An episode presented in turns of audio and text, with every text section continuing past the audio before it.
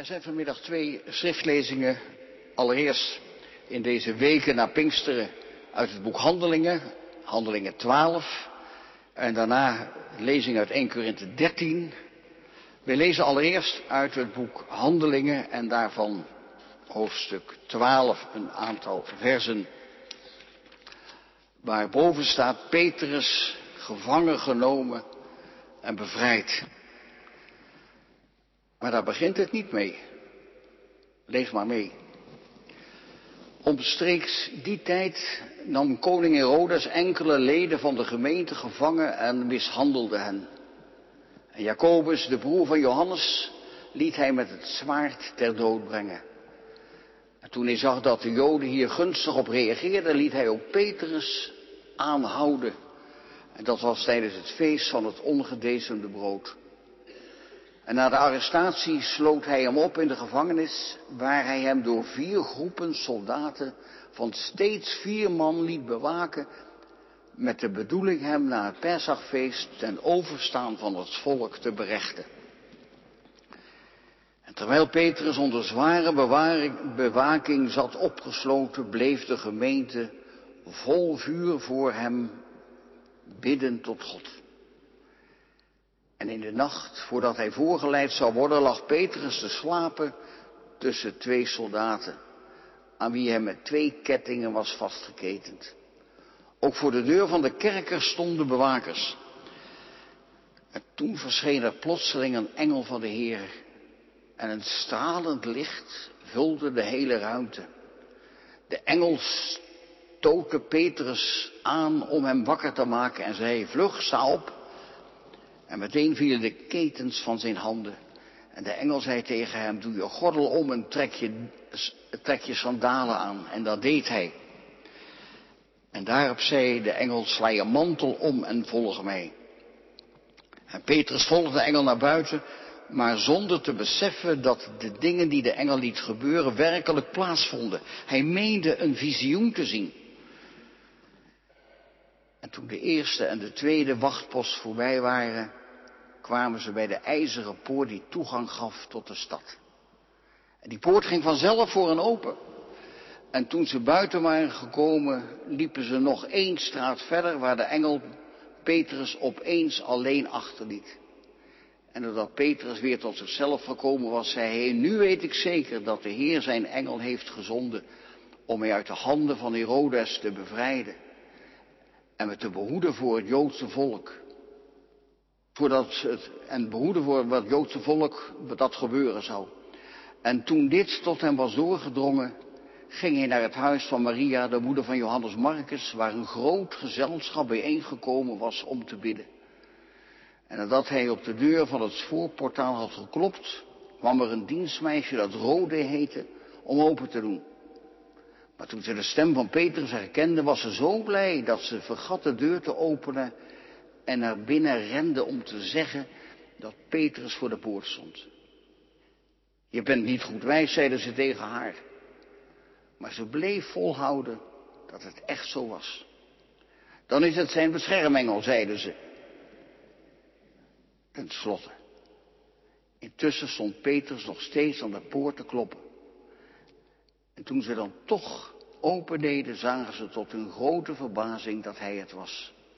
Hij gebaarde dat ze moesten zwijgen en legde uit hoe de Heer hen uit de gevangenis had bevrijd. En daarna zei hij, stel Jacobus en de anderen hiervan op de hoogte. En hij vertrok naar elders. Tot zover de lezing uit het boek Handelingen. Ik lees uit de brief van de apostel Paulus aan de gemeente van Korinthe, het dertiende hoofdstuk en vanaf vers 8. Waar de apostel schrijft, de liefde zal nooit vergaan. zien zullen verdwijnen. Klanktaal zal verstommen. Kennis verloren gaan, want ons kennen schiet tekort en ons profiteren is beperkt. Wanneer het volmaakte komt, zal wat beperkt is verdwijnen. Toen ik nog een kind was, sprak ik als een kind, dacht ik als een kind, redeneerde ik als een kind. Nu ik volwassen ben, heb ik al wat kinderlijk, al het kinderlijke achter me gelaten.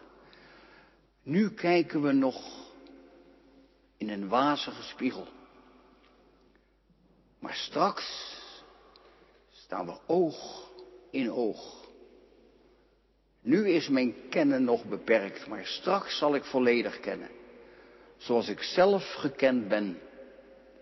Ons resten geloof, hoop en liefde. Deze drie.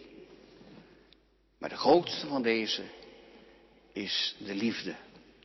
Amen. En ik wil met u, met jullie samen nadenken over twee versen uit Handelingen 12. Dat is vers 2 en vers 11. Vers 2. Jacobus, de broeder van Johannes, liet hij met het zwaard ter dood brengen. En vers 11. Nadat Petrus weer tot zichzelf gekomen was, zei hij, nu weet ik zeker dat de Heer zijn engel heeft gezonden om mij uit de handen van Herodes te bevrijden. Gemeente van onze Heer Jezus Christus. Ik had eigenlijk, dat moet ik eerlijk zeggen, het vaste voornemen vanmiddag om na te denken met u, met jullie over die bevrijding van Petrus, dat prachtige verhaal. Een heel spannend en bemoedigend verhaal. Hoe wonderlijk dat Petrus uit die gevangenis bevrijd wordt. De, de boeien vallen hem af en de ijzeren deur gaat zomaar open. Lucas weet niet hoe hij het allemaal beschrijven moet. En hoe de gemeente in die nacht niet slaapt, maar waakt in een gebedskring om te bidden voor zijn bevrijding, bevrijding en hoe Petrus heerlijk slaapt die nacht, kennelijk in het diepe weten dat God bij hem is. En dan die wonderbaarlijke bevrijding, die wonderlijke, wonderbaarlijke bevrijding uit de gevangenis. Daar had ik over willen preken vanmiddag. Maar toen ik met de voorbereiding bezig was, betrapte ik er mezelf op dat ik over die eerste twee versen van datzelfde hoofdstuk 12 gelezen had. En daar lees ik iets heel anders. Daar gaat het over een andere volgeling van Jezus, ook gevangen genomen, maar niet zoals Petrus bevrijd, maar gedood. Ja, en daar had ik overheen gelezen en misschien wel heel onbewust. Want over zulke verhalen lees je maar liever heen, dat heeft geen happy end. En ook het opschrift in onze Bijbelvertaling, nieuwe Bijbelvertaling, gaat er helemaal aan voorbij. Daar wordt gesproken over als titel Petrus gevangen genomen en bevrijd. Maar geen woord over de dood van Jacobus. En toch gaat het daarover. Alleen Petrus bevrijd. Jazeker. Prachtig. Maar intussen Jacobus vermoord. Bij Petrus kwam er een engel aan te pas, vers 11. Maar bij Jacobus kwam er kennelijk geen engel aan te pas. En die twee dingen lees je in één en hetzelfde Bijbelgedeelte. Het wordt in één adem verteld. En toen ik dat zag de afgelopen week, toen liet me dat niet meer los. En ik dacht, lopen wij niet te gemakkelijk over dat moeilijke begin heen om maar direct dat prachtige verhaal van die bevrijding van Petrus te lezen. Moeten we maar niet net doen of dat er niet staat. Maar Lucas, de schrijver van het boek Handelingen, heeft deze twee verhalen heel bewust bij elkaar gezet. Hij moet er toch een bedoeling mee gehad hebben. En toen ik daar verder over nadacht, dacht ik, ja, het zal een heel andere preek worden dan ik me had voorgenomen. Want er was één vraag, lieve mensen, die mij bezig bleef houden. Natuurlijk, die bevrijding van Petrus, daar zijn we dankbaar voor. Een wonderlijk ingrijpen van God, zo werkt God ook. Maar het roept tegelijkertijd vragen met venijnige weerhaken op. Waarom greep God dan niet in bij Jacobus? Waarom werd hij niet bevrijd en Petrus wel? Waarom mocht de een blijven leven en ging de ander dood? Zou er door die gemeente dan niet voor Jacobus gebeden zijn? Dat kan toch niet waar zijn? Maar als er dan wel voor hem gebeden is, waarom verhoort God dan kennelijk het ene gebed wel en gaat hij met die andere een andere weg? Had God dan misschien Jacobus niet meer nodig in zijn, voor zijn werk? Misschien. Maar zijn broer Johannes en die andere familieleden, die konden hem toch niet missen. Hadden die hem dan niet nodig? Vragen, vragen, vragen. Vragen die ook bij ons leven. Ik moest denken aan een tijdje geleden dat ik een dienst leidde. En in die één en diezelfde dienst werd mij gevraagd voorbeden te doen voor bedroefde ouders. Die de afgelopen week hun eerste kindje aan een biegedood hadden verloren. En tegelijkertijd werd mij gevraagd of ik God wilde danken voor een ander kindje wiens leven, voor wiens leven gevreesd werd naar een ernstige hersenvierontsteking, maar die toch geheel genezen werd. Waarom de een wel en, en de ander niet? En ik denk dat we deze vragen, lieve mensen, allemaal kennen in ons leven en uit onze omgeving. Waarom herstelt de een wel van een ernstige ziekte en een ander niet? Hoewel er door beide intensief voor gebeden is voor herstel. Waarom vindt de een een fijne baan en de ander al meer, al meer dan twee jaar is op zoek naar werk, maar krijgt afwijzing na afwijzing? Waarom komt in één gezin een gezond, kerngezond kind ter wereld een ander gezin een kindje met een beperking, met een handicap. Hebben we daar een verklaring voor? En toch geven al die verklaringen die ook gegeven worden geen bevredigend antwoord op die laatste en centrale vraag. Waar is God dan in dat alles? Waar is God als het tegenzit in je leven en in lijden dat de mens kan treffen? Waar was God toen de beul zijn zwaard hief om Jacobus te onthoofden. Er zijn christenen, lieve mensen, die dat allemaal precies lijken te weten, die op al die vragen een antwoord hebben. Aan de, e-, aan de ene kant van het spectrum in de kerk, daar hoor je dan, ja, alles komt uit Gods hand. Goed en kwaad, voor en tegenspoed. En dan kun je soms een advertentie in de krant lezen, een rouwadvertentie. Goed bedoeld, maar heden behaagde het de Heere door een noodlottig ongeval uit ons midden weg te nemen. Had God daar de hand in? Weet je dat zo? En behaagde het de Heere om dat te doen? Heeft God dan dat ongeluk veroorzaakt? En aan de andere kant van de kerk want het spectrum, daar hoor je, ach, God heeft helemaal niks met het kwaad te maken. Bij God komt alleen maar het goede vandaan. En al die dingen, die nare dingen, ziekte, ongeluk, tegenslag, dood, het gaat buiten God om. God kijkt ernaar, maar dat is dan ook alles. Is er vanuit het evangelie een antwoord op deze vragen?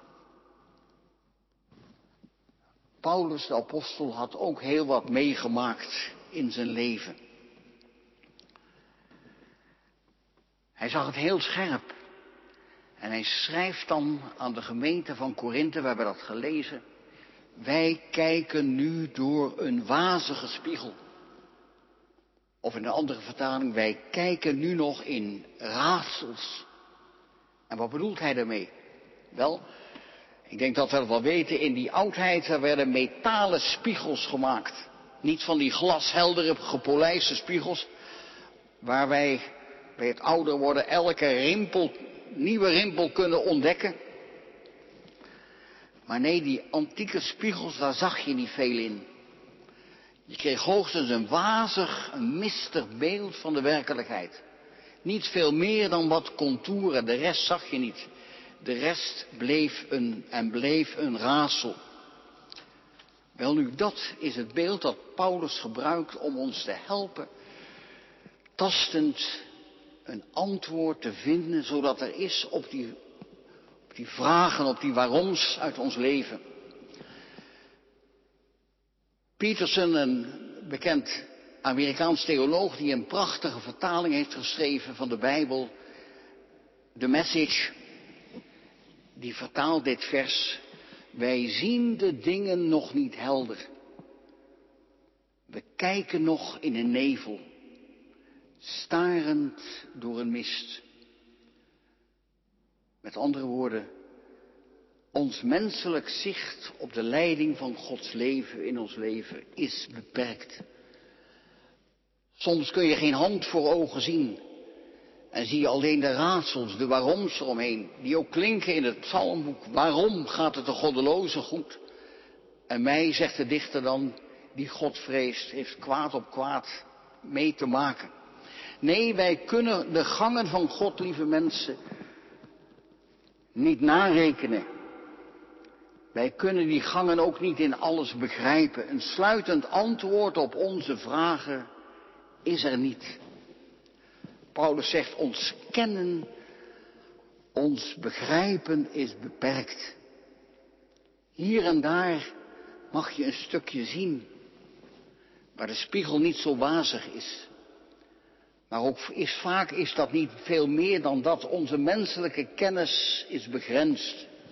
Er blijven raadsels, er blijven vragen waar je geen antwoord op hebt. En heb je het gevoel dat je bij een grens staat. Hier kan ik niet verder, hier heb ik geen antwoord op. Hier kijk ik in een wazige spiegel. Onze verklaringen zullen altijd weer schipbreuk leiden op de klippen van de werkelijkheid. Het boekje op waarin het lijden zo breed wordt uitgemeten, is ons niet gegeven, laten we dat goed bedenken, is ons niet gegeven om de oplossing van het probleem van het lijden te geven, maar om ons die oplossingen te ontnemen. En daarom moeten we voorzichtig zijn met allerlei verklaringen aan te komen. En is iemand die ernstig lijdt daarmee gediend met onze verklaring? Ook in ons pastoraat kan er een tijd van zwijgen zijn. Zomaar een tijd lang in stilte naast iemand zitten. Misschien de hand vasthouden of de hand op het hoofd leggen. En misschien een, een kort gebed met elkaar bidden. Ik wantrouw, lieve mensen, al die antwoorden waarin geen vraagtekens meer zitten. Ik wantrouw al die zogenaamde zekerheden die op alle vragen antwoord hebben, zonder dat er sprake meer is van een wazige spiegel. Zoals die vrienden van Job, we kennen dat wel. Die kwamen bij Job zitten. En ze begonnen zeven dagen te zwijgen. En dat was goed. Job die zulke ernstige dingen meemaakte in zijn leven. Ze begonnen zo goed naast hem zitten, gewoon maar naast hem zitten. En misschien de hand op zijn schouder leggen, maar zwijgen. En toen na zeven dagen, toen werd dat zwijgen doorbroken. En toen gingen ze de fout in. Want toen begonnen ze Job vragen te stellen. Ja, eigenlijk niet eens vragen te stellen, maar mee te delen hoe dat nou kwam dat hij zoveel dingen moest meemaken. Job vroegen ze, je hebt zeker wel veel slechte dingen gedaan. Vertel het eens. Anders zou je toch niet zo door God gestraft worden. Ik ben er zeker van, gemeente, dat Job in zijn geloofsworsteling met God en met de raadsels van zijn leven meer geloof had dan die vrienden met hun kil en dogmatisch vergeldingssysteem.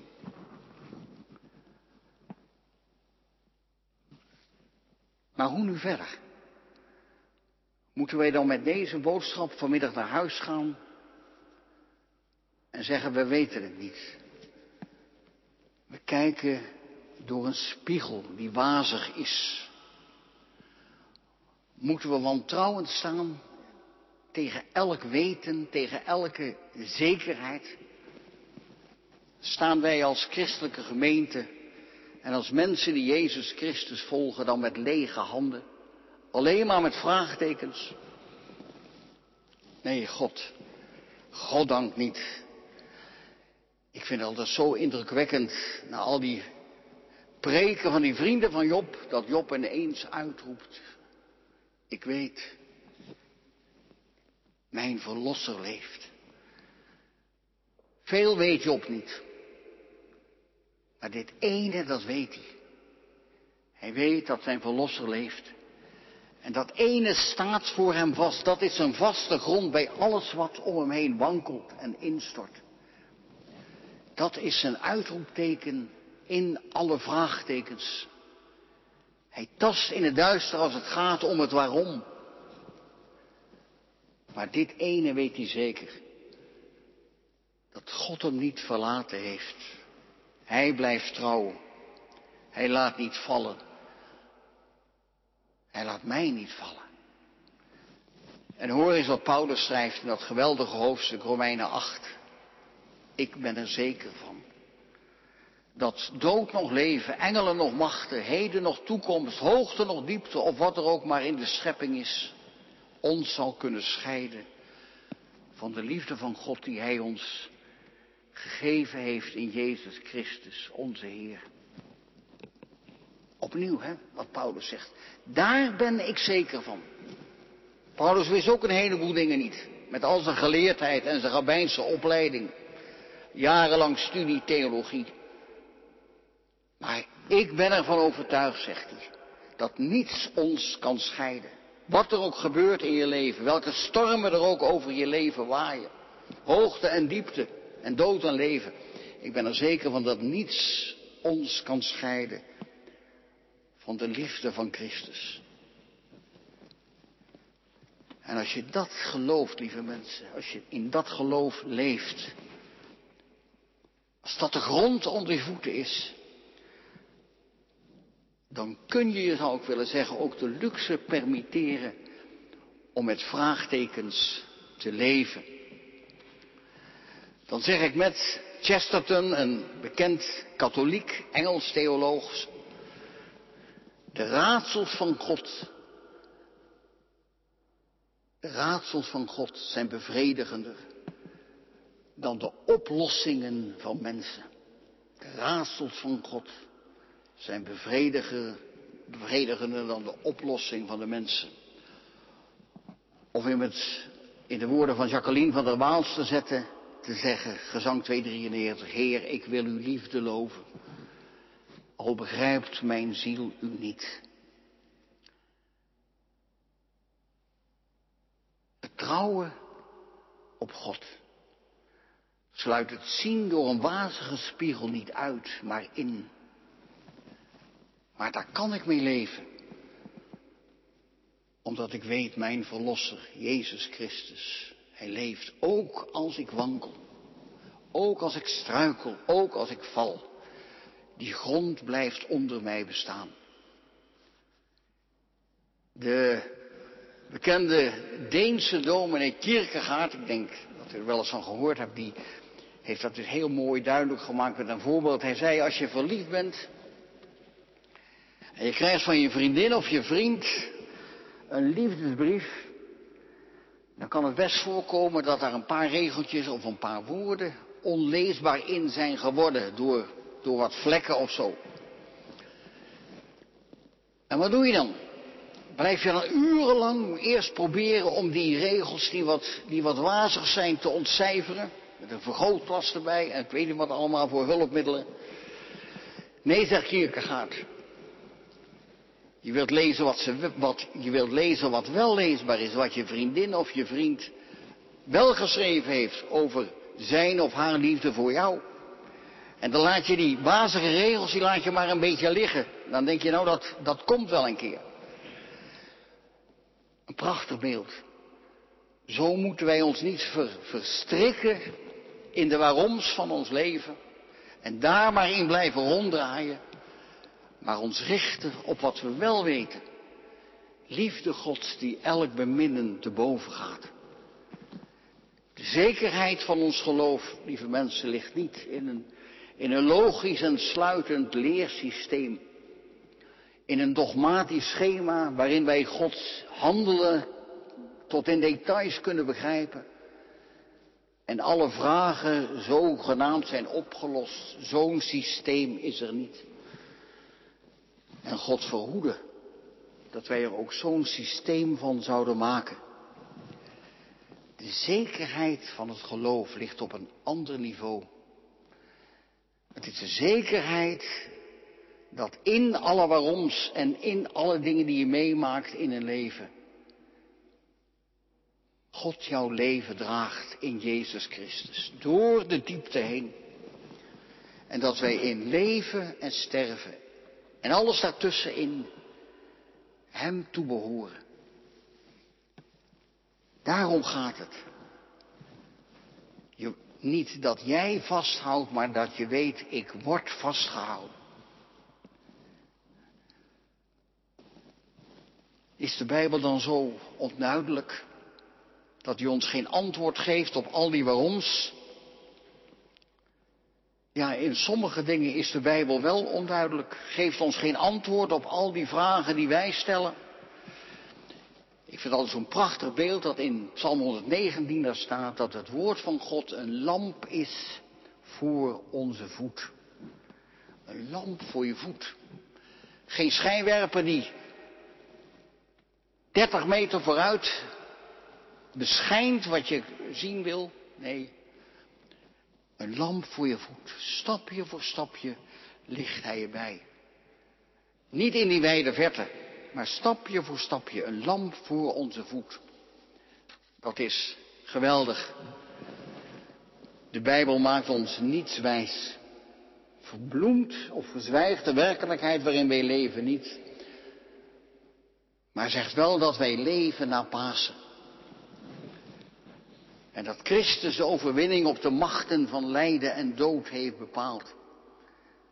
Maar de strijd, zegt de Bijbel ook, is nog niet ten einde. Het is die day geweest, Decision Day, de dag van de beslissing. Maar het is nog niet Victory Day, V-Day. En daarom kan Paulus ook zeggen na de opstanding dat de schepping nog zucht in barensweeën. Ziekte, onderdrukking, ongerechtigheid, geweld, vervolging. We maken het nog mee, maar het zal, zegt Paulus, eenmaal verdwijnen door Jezus Christus. Nee, nogmaals, geloven in Gods leiding is niet dat je geen vragen meer zal hebben. Het kan zelfs vragen oproepen. Maar het is beter met onbeantwoorde vragen te leven dan dat je God kwijt bent in je leven. Na de holocaust vroeg een jongen aan een Joodse rabbi, hoe kun je nog in God geloven na alles wat er gebeurd is? En toen antwoordde de rabbi, hoe kun je na alles wat gebeurd is niet in God geloven? En hij bedoelde, is dat dan het alternatief? Dat je vanwege het onbegrijpelijke je geloof in God laat varen? Moet je dan geloven dat niet God, maar de machten van het kwaad, de duivel, het in deze wereld voor het zeggen hebben? Is dat dan het alternatief om mee te leven? Ik eindig gemeente met een prachtig lied geschreven door de dichter Arno Potsch. Hij was naar Parijs gereisd om te pleiten voor een ter dood veroordeelde verzetstrijder. Zijn pleidooi was vergeefs.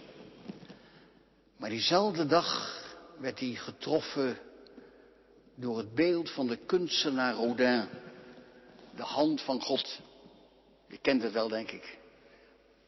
Die grote hand van God. En daarin dat mensenkind liggend.